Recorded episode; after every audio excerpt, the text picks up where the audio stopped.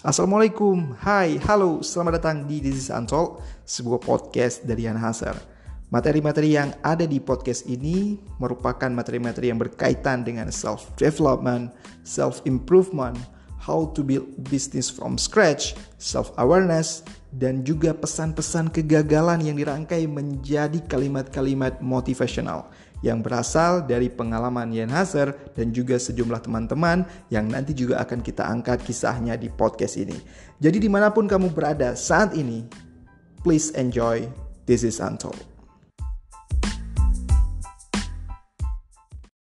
Sebelumnya, saya mau mengucapkan terima kasih kalian semua sudah menemani perjalanan This is Untold hingga tiba di episode ini, ya episode ke-13 dan ini akan sedikit berbeda karena sebenarnya secara rahasia ini merupakan target personal saya yang akhirnya bisa tercapai juga.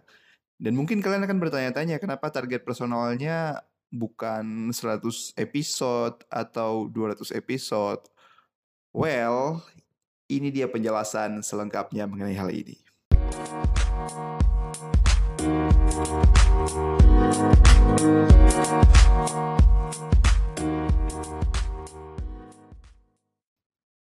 Kenapa tema self development menjadi fokus di podcast ini.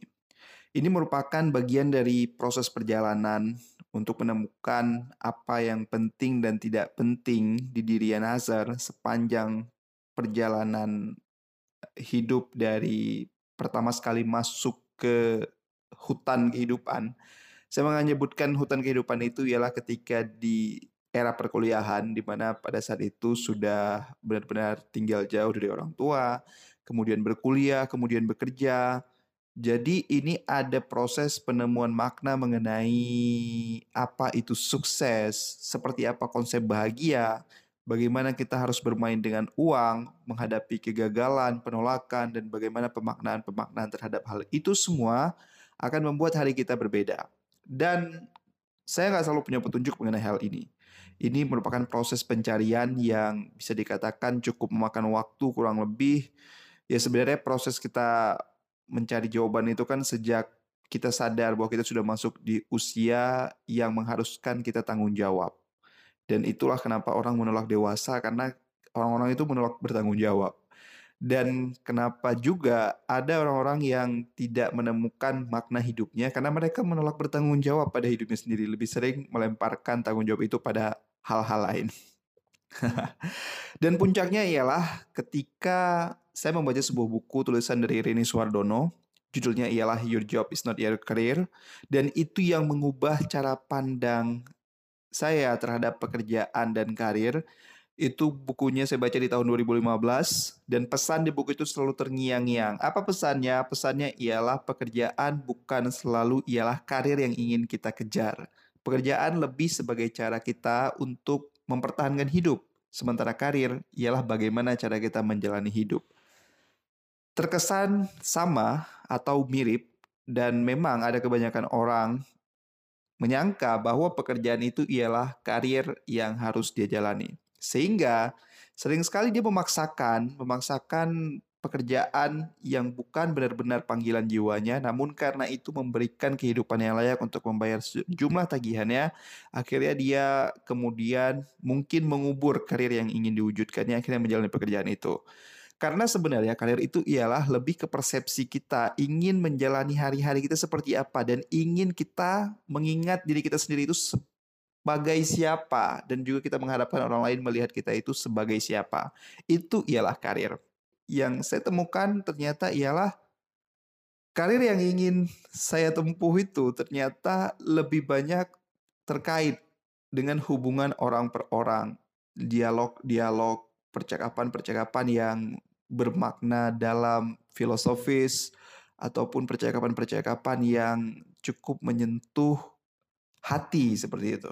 Dalam artian saya senang ketika kita membahas mengenai kehidupan, saya senang ketika kita membahas mengenai bagaimana seharusnya kita menyikapi sebuah hal yang jauh di luar rencana kita dan itu ternyata merupakan seni ya, seni yang kemudian juga harus kita pelajari secara benar-benar fokus untuk akhirnya kita menemukan cara terbaik untuk menjalani hidup yang bisa dikatakan bodoh amat kalaupun kita nggak disukai karena perkara disukai atau tidak disukai itu ialah hal yang terkait juga dengan pemaknaan. Tetapi selama kita memberikan pemaknaan yang tepat kepada apa yang ingin kita lakukan, maka seharusnya seharusnya kita akan jauh lebih bahagia dibandingkan orang-orang yang memberikan pemaknaan hidupnya berdasarkan hal-hal eksternal.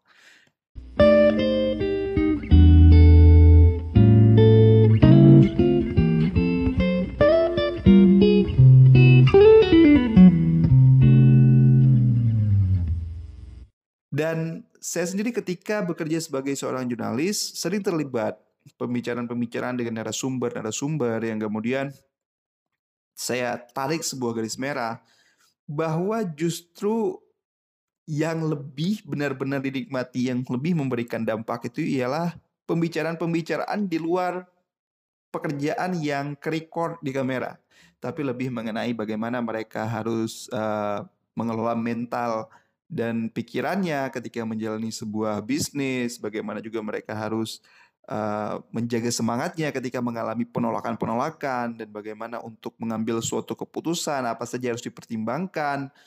Dan ternyata hal-hal ini yang membuat saya sangat menikmati proses pertemuan-pertemuan dengan sejumlah narasumber. Justru terkadang bukan tentang isunya ataupun tugas yang saya kerjakan, tetapi lebih di ke pembicaraan-pembicaraan informal tersebut. Karena di sana terjadi proses tukar menukar informasi yang lebih banyak saya yang menyerap informasi, saya lebih banyak menyerap ilmu.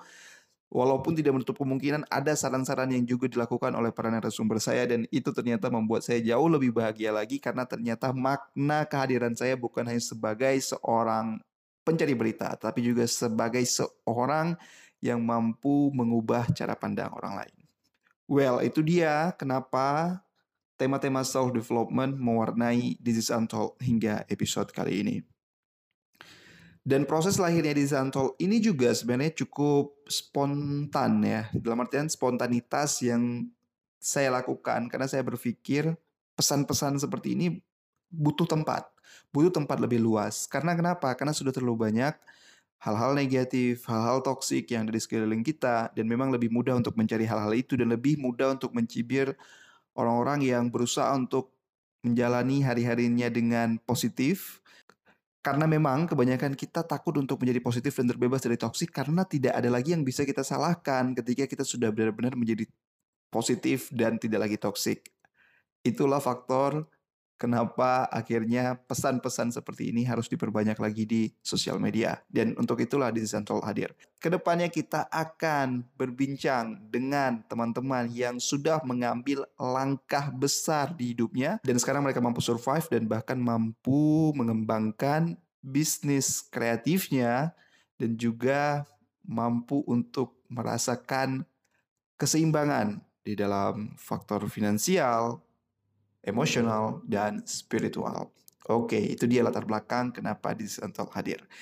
Dan kali ini, saya juga ingin, dan kali ini, ya Nasar juga ingin berbagi mengenai enam tips yang harus kita lakukan untuk menyambut dekade yang baru 2020. Apa saja hal itu? Tapi sebelumnya saya ingin meminta teman-teman yang saat ini mendengarkan podcast ini dan juga memiliki kesempatan untuk bisa mencatatnya, silahkan keluarkan catatan kalian ataupun juga bisa mencatat langsung di handphone kalian. Poin-poin yang akan disampaikan berikut ini poin-poin yang praktikal yang bisa kita aplikasikan di kehidupan kita. Dan ini sebenarnya sudah yang Nasar lakukan setahun yang lalu dan ingin diperluas lagi, ingin diperkuat lagi, ingin lebih dikonsistenkan lagi enam hal ini untuk dilakukan sehingga kita sama-sama ke depannya akan memiliki pencapaian-pencapaian hidup yang jauh lebih baik. Oke, kita mulai dari yang pertama. Yang pertama ialah di tahun 2020 kurangi atau bahkan hilangkan distraksi. Distraksi terlalu banyak saat ini. Ketika kita lagi berbicara dengan seorang teman, kita bisa saja terdistraksi dengan pesan WhatsApp yang masuk. Kita bisa saja terdistraksi dengan notifikasi game yang masuk. Kita bisa saja terdistraksi dengan notifikasi update aplikasi yang tiba-tiba muncul di handphone kita dan kemudian nggak menutup kemungkinan untuk kita mengabaikan pembicaraan tersebut dan mengecek handphone. Dan pada saat seperti inilah terkadang pembicaraan itu kehilangan maknanya, kehilangan kedalaman dalam kita menyerap pesan-pesan yang ingin disampaikan. Dan tidak menutup kemungkinan juga hal-hal seperti inilah yang membuat rencana-rencana yang pernah kita tulis, yang pernah kita pikirkan, yang pernah kita rencanakan tidak terwujud. Karena yang bisa mengontrol distraksi ialah diri kita sendiri. Berapa banyak di antara kita yang mungkin saat ini punya pemikiran ataupun rencana untuk menulis blog dengan rutin, dua blog post per minggu, dan itu tidak kita lakukan karena banyaknya distraksi.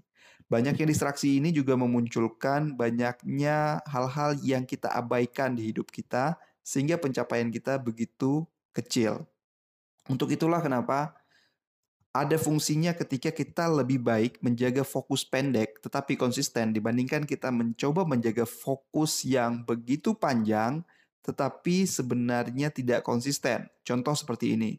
Jika kita mengalokasikan waktu untuk menulis kurang lebih 50 kata per hari, maka cobalah alokasikan waktu 4 jam saja per harinya untuk bisa melakukan riset, untuk bisa melakukan browsing di internet ataupun juga mencari buku-buku referensi yang bisa mendukung tulisan tersebut.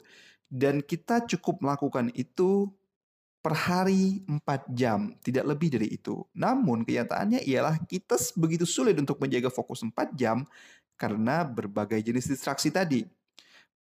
Dan memang sulit dipungkiri bahwa kehidupan milenial itu ialah kehidupan yang mudah sekali terdistraksi tidak hanya oleh aplikasi smartphone tapi juga oleh notifikasi e-commerce yang membuat kita menjadi impulsif untuk bisa switching fokus dari sebelumnya mengerjakan hal A tiba-tiba beralih untuk mencari-cari barang yang ingin kita beli ataupun tidak ingin kita beli, hanya ingin melihat promonya saja. Dan jujur itu juga yang Nazar alami. Dan itu harus kita minimalisir di tahun 2020 bahkan dihilangkan. Jadi caranya ialah ketika ingin mengerjakan sesuatu kita harus merencanakan terlebih dahulu apa saja checklist-checklist yang harus kita lakukan. Setelah itu, posisikan handphone dalam posisi offline dan kalau bisa tempatkan dia di posisi yang cukup jauh dari diri kita.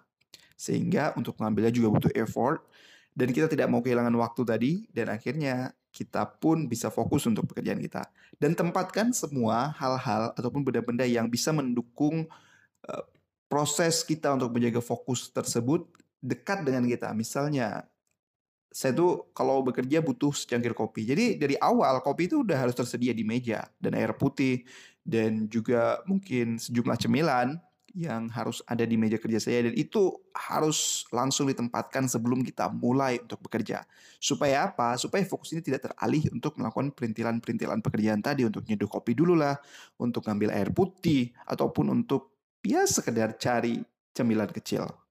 Oke, itu dia yang pertama, get rid of distraction. Yang kedua, di tahun 2020 jangan banyak cerita banyakin lagi kerja. Jadi seperti ini ya, kita itu manusia ini unik sebenarnya cara berpikirnya. Jadi ketika kita mempunyai suatu keinginan, suatu rencana, kita biasanya mencari validasi dulu. Pertama kita bertanya kepada diri kita, selanjutnya kita mencoba menggunakan validasi tadi kita sampaikan ke orang lain, kita sampaikan ke orang lain untuk mendapat dukungan dari mereka. Apakah mereka akan mendukung rencana kita atau justru menolak rencana kita sama sekali. Dan percaya atau tidak percaya, hal inilah yang terkadang membuat kita berhenti dan tidak lagi kembali melanjutkan rencana tersebut karena kita mendapatkan suatu respon yang positif. Kebanyakan dari kita melakukan hal seperti ini Bukan dalam artian kita tidak boleh melakukan riset untuk bertanya ke sejumlah orang-orang terdekat mengenai ide yang akan kita lakukan, apakah possible atau enggak possible, apakah visible atau tidak visible, itu hal yang harus kita lakukan sebenarnya.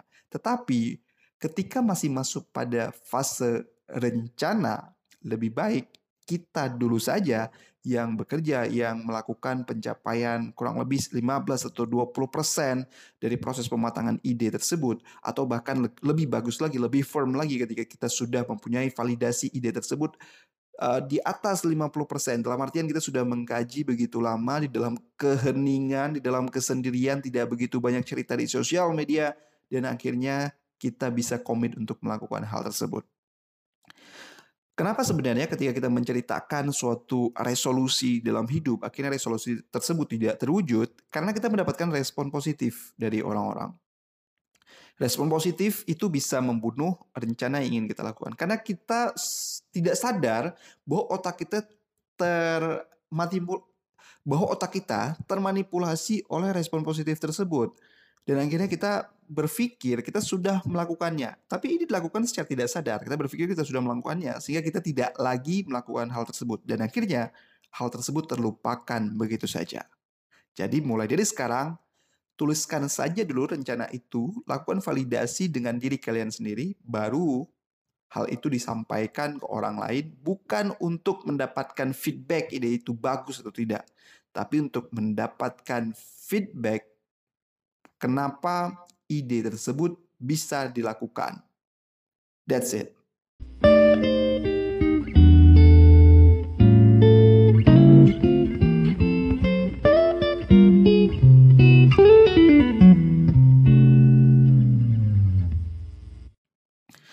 Dan yang ketiga, ini ada kaitannya sebenarnya dengan untuk mengurangi distraksi di dalam berbagai rencana yang ingin kita lakukan berhentilah untuk procrastinate.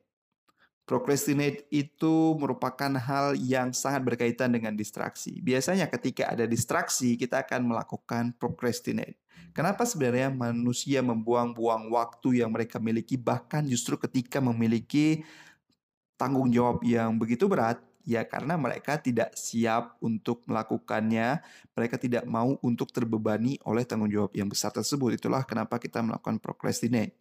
Padahal sebenarnya ketika tanggung jawab besar tersebut atau rencana besar tersebut kita pecah dengan plan-plan kecil, eh, pencapaian-pencapaian kecil, maka kita akan jauh lebih fokus kita juga akan lebih menghargai diri kita bahwa ada pencapaian-pencapaian yang bisa kita capai dan itu memberikan kepuasan di diri kita sehingga kita akan terus fokus, kita tidak lagi akan membuang-buang waktu karena ketika tanggung jawab begitu besar atau rencana begitu besar atau proyek yang kita lakukan begitu besar dan itu tidak kita breakdown ke proyek-proyek kecil, maka itu juga secara tidak langsung akan membuat otak kita malas. Karena kita tidak ingin melakukannya karena kita ingin menunggu waktu pada saat kita siap baru kita akan melakukan pekerjaan tersebut. Dan ini yang membuat kenapa kita sering melakukan procrastinate yang tertrigger oleh adanya distraksi. Jadi dua hal ini harus dihilangkan di 2020.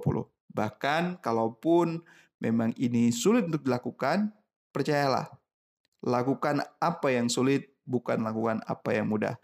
Jadi berhentilah untuk procrastinate di tahun 2020 jika kalian punya goals ataupun purpose yang benar-benar ingin dicapai. Karena capek ya sih?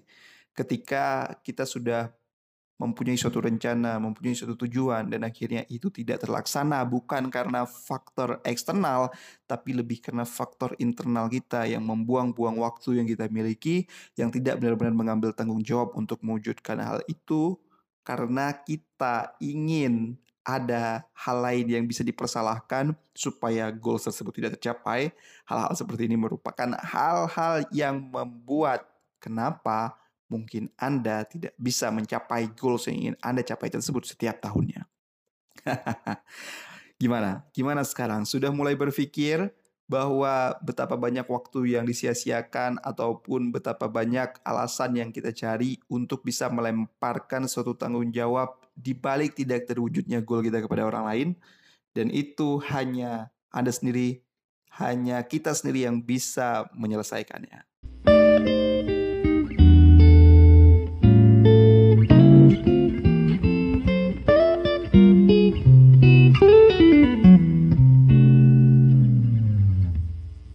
Keempat ialah kurangi waktu dengan orang-orang negatif dan toksik. Toxic people akan selalu menjadi toxic, tetapi mereka tidak menyadari bahwa diri mereka toxic karena mereka menganggap bahwa hal-hal negatif yang mereka lakukan, pendapat-pendapat negatif yang mereka sampaikan, ataupun perilaku hidup negatif yang mereka lakukan merupakan hal yang wajar sebagai bentuk self-defense Orang-orang toksik biasanya merupakan orang-orang yang defensif dengan perubahan, orang-orang yang defensif dengan keburukan yang dimiliki oleh dirinya sendiri sehingga mereka mencari cara untuk kemudian menyerang perilaku orang-orang yang ingin memiliki kehidupan yang lebih baik, memiliki cara berpikir yang lebih positif, memiliki rencana-rencana yang jauh lebih besar.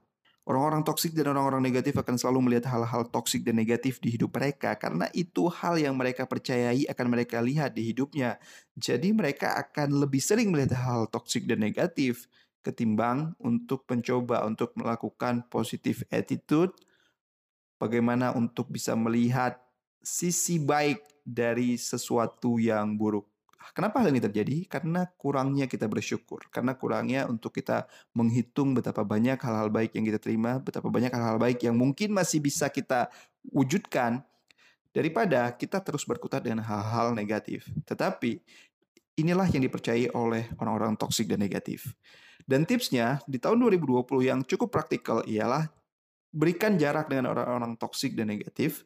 Tidak perlu sampaikan alasan kenapa kita menjaga jarak dengan mereka, tetapi bersiaplah untuk kembali mendekat ketika mereka sudah menjadi sosok yang positif. Karena tidak mudah sebenarnya mengajak orang-orang negatif dan toksik tadi ke kuadran positif, tetapi akan lebih mudah untuk kita meninggalkan kebiasaan-kebiasaan baik yang sudah kita lakukan dan kemudian beralih menjadi seorang yang toksik dan negatif. Inilah kenyataannya. Maka dari itu, di tahun 2020 lebih baik jaga jarak dengan orang-orang toksik dan negatif hingga tiba saatnya untuk kita kembali bergabung dengan mereka. Bukan dalam artian kita memutuskan pertemanan, persahabatan, ataupun silaturahmi dengan orang-orang tersebut, tetapi kita hanya cukup memberikan jarak dengan tujuan jika kita menjadi lebih baik, maka mereka juga akan menjadi sosok yang lebih baik. Dan pada saat mereka sadar bahwa hal-hal toksik dan negatif di hidupnya harus dikurangi atau bahkan dihilangkan dan ketika melakukan itu barulah saatnya tiba rekonsiliasi dan kita kembali akan bisa seiring sejalan sebahu selangkah.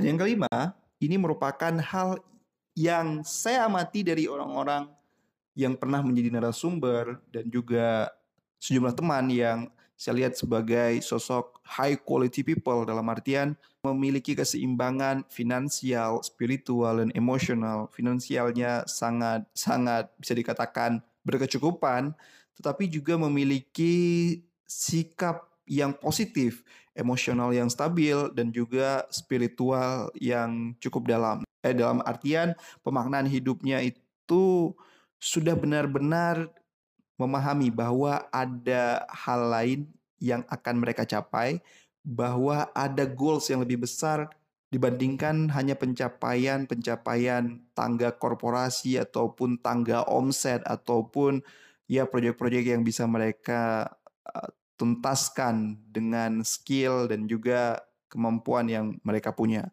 Tetapi mereka memaknai bahwa ada hal yang lain, bahwa ada meaning lain yang mereka ingin capai dan itulah yang membuat kenapa orang-orang ini bisa menjadi high quality people.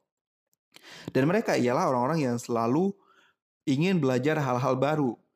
Jadi orang-orang ini merupakan sosok-sosok yang sangat suka untuk bertemu dengan teman-teman baru yang kemudian di sana terjadi pertukaran informasi dan bahkan bisa menjadi ajang untuk belajar menjalani proyek yang mereka ingin lakukan ataupun menjalani suatu ide yang mereka ingin wujudkan, tetapi mereka tidak pernah menutup pada hal-hal yang baru ini. Karena dengan demikian, kita bisa menjaga bahwa kita selalu menyesuaikan diri dengan zaman. Jadi jangan sia-siakan kesempatan untuk berjejaring, untuk menggunakan koneksi-koneksi dengan orang-orang yang sudah lebih dulu berada di bidangnya, untuk kemudian menimba ilmu dari mereka dengan cara-cara informal. Dari secangkir kopi, kemudian dari makan siang, dan akhirnya dari sana terlibat dalam obrolan-obrolan yang dari santai kemudian menjadi serius, dari serius kemudian menjadi mendalam terkait mengenai project ataupun ide yang ingin kalian wujudkan dan bukan tidak mungkin ketika kita rajin untuk membina hubungan informal seperti itu justru itulah yang akan membuka peluang-peluang baru. Dan inilah yang dilakukan oleh high quality people tadi, teman-teman yang yang Hasan lihat sebagai orang-orang dengan pencapaian yang cukup tinggi dalam hidupnya tetapi selalu seimbang untuk urusan finansial, emosional dan spiritual karena mereka selalu ingin mempelajari hal-hal yang baru. Yang keenam sekaligus yang terakhir merupakan hal yang paling penting dari keseluruhan tips kita. Jadilah orang baik. Sudah nggak ada alasan lagi nanti dong baiknya waktu udah tua nggak akan ada waktu yang benar-benar bisa kita yakini kita akan sampai di titik tersebut. Siapa sih yang bisa meyakini saya ataupun Anda bisa sampai di usia tua 60 tahun, 70 tahun? Nggak ada yang tahu. Jadi mulai dari 2020 jadilah orang baik. Seperti apa baik itu? Saya rasa nggak butuh banyak penjelasan lagi mengenai hal ini karena kalaupun Anda butuh penjelasan seperti apa baik itu, maka mungkin Anda sebenarnya orang yang brengsek sehingga nggak tahu apa itu baik ya. Ataupun juga Anda tuh terlalu kabur untuk bisa membedakan uh, baik dan taat beribadah karena dua hal ini terlihat sama tetapi sebenarnya tidak karena tidak selamanya orang yang taat beribadah ialah orang yang baik dan tidak selamanya orang yang baik ialah orang yang taat beribadah. Tetapi ada satu garis universal yang bisa sama-sama kita pahami ialah orang-orang yang baik itu ialah tidak merugikan orang lain dan tidak merugikan dirinya sendiri. Dalam artian tidak menempatkan dirinya untuk hal-hal yang sebenarnya akan memberikan banyak keburukan bagi diri mereka dan orang-orang sekitarnya. Sudah, itu sudah cukup. Jadi kalau selama ini Anda merasa suka memanipulasi orang lain untuk tujuan Anda, berarti Anda pikirkan sendiri, Anda itu baik atau Anda itu brengsek sebenarnya.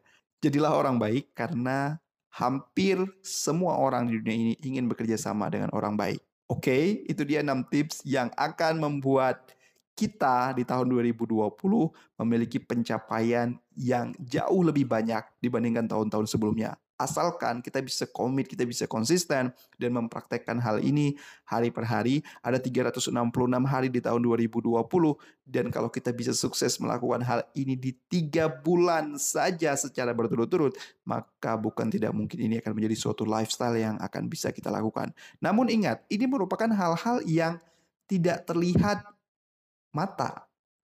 Karena kenapa? Orang-orang karena kenapa? Orang-orang melihat pencapaian itu ialah dari pencapaian yang kasat mata. Itulah kenapa begitu mudah untuk memamerkan benda-benda material untuk mewujudkan status kesuksesan kita, status pencapaian kita. Tetapi tidak ada yang peduli dengan enam intangible faktor ini. Padahal ketika kita bisa komplit dengan enam hal ini, maka sebenarnya pencapaian-pencapaian hidup lain yang bersifat material kita akan bisa mencapainya namun memiliki makna yang jauh lebih dalam. Dalam artian ialah benda bukan lagi menjadi fokus utama kita di tahun 2020, boleh jadi. Tetapi bagaimana untuk merasakan kepuasan batin bahkan meskipun ketika kita tidak memiliki sangat banyak uang, bahkan ketika tidak memiliki aset-aset yang mahal, justru kepuasan dibalik justru kepuasan mengenai pencapaian ketenangan batin yang kita miliki itulah yang kita anggap sebagai kesuksesan yang baru di tahun 2020. Dan terima kasih sudah mendengarkan This is Untold episode 13 kali ini.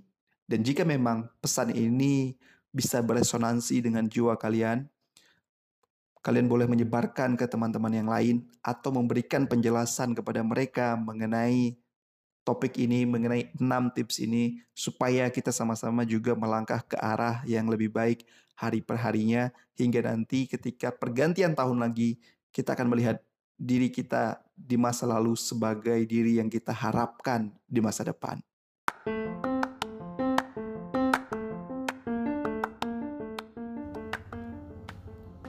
Terima kasih sudah mendengarkan episode podcast kali ini dan jika kalian mendapatkan manfaat dari podcast-podcast This is Untalk, tolong sebarkan ke teman-teman kalian, ajak mereka juga mendengarkan This is Untalk karena akan lebih baik jika energi positif yang kalian dapatkan juga kalian tularkan ke sekeliling kalian. Sampai bertemu di episode selanjutnya di This is Untalk.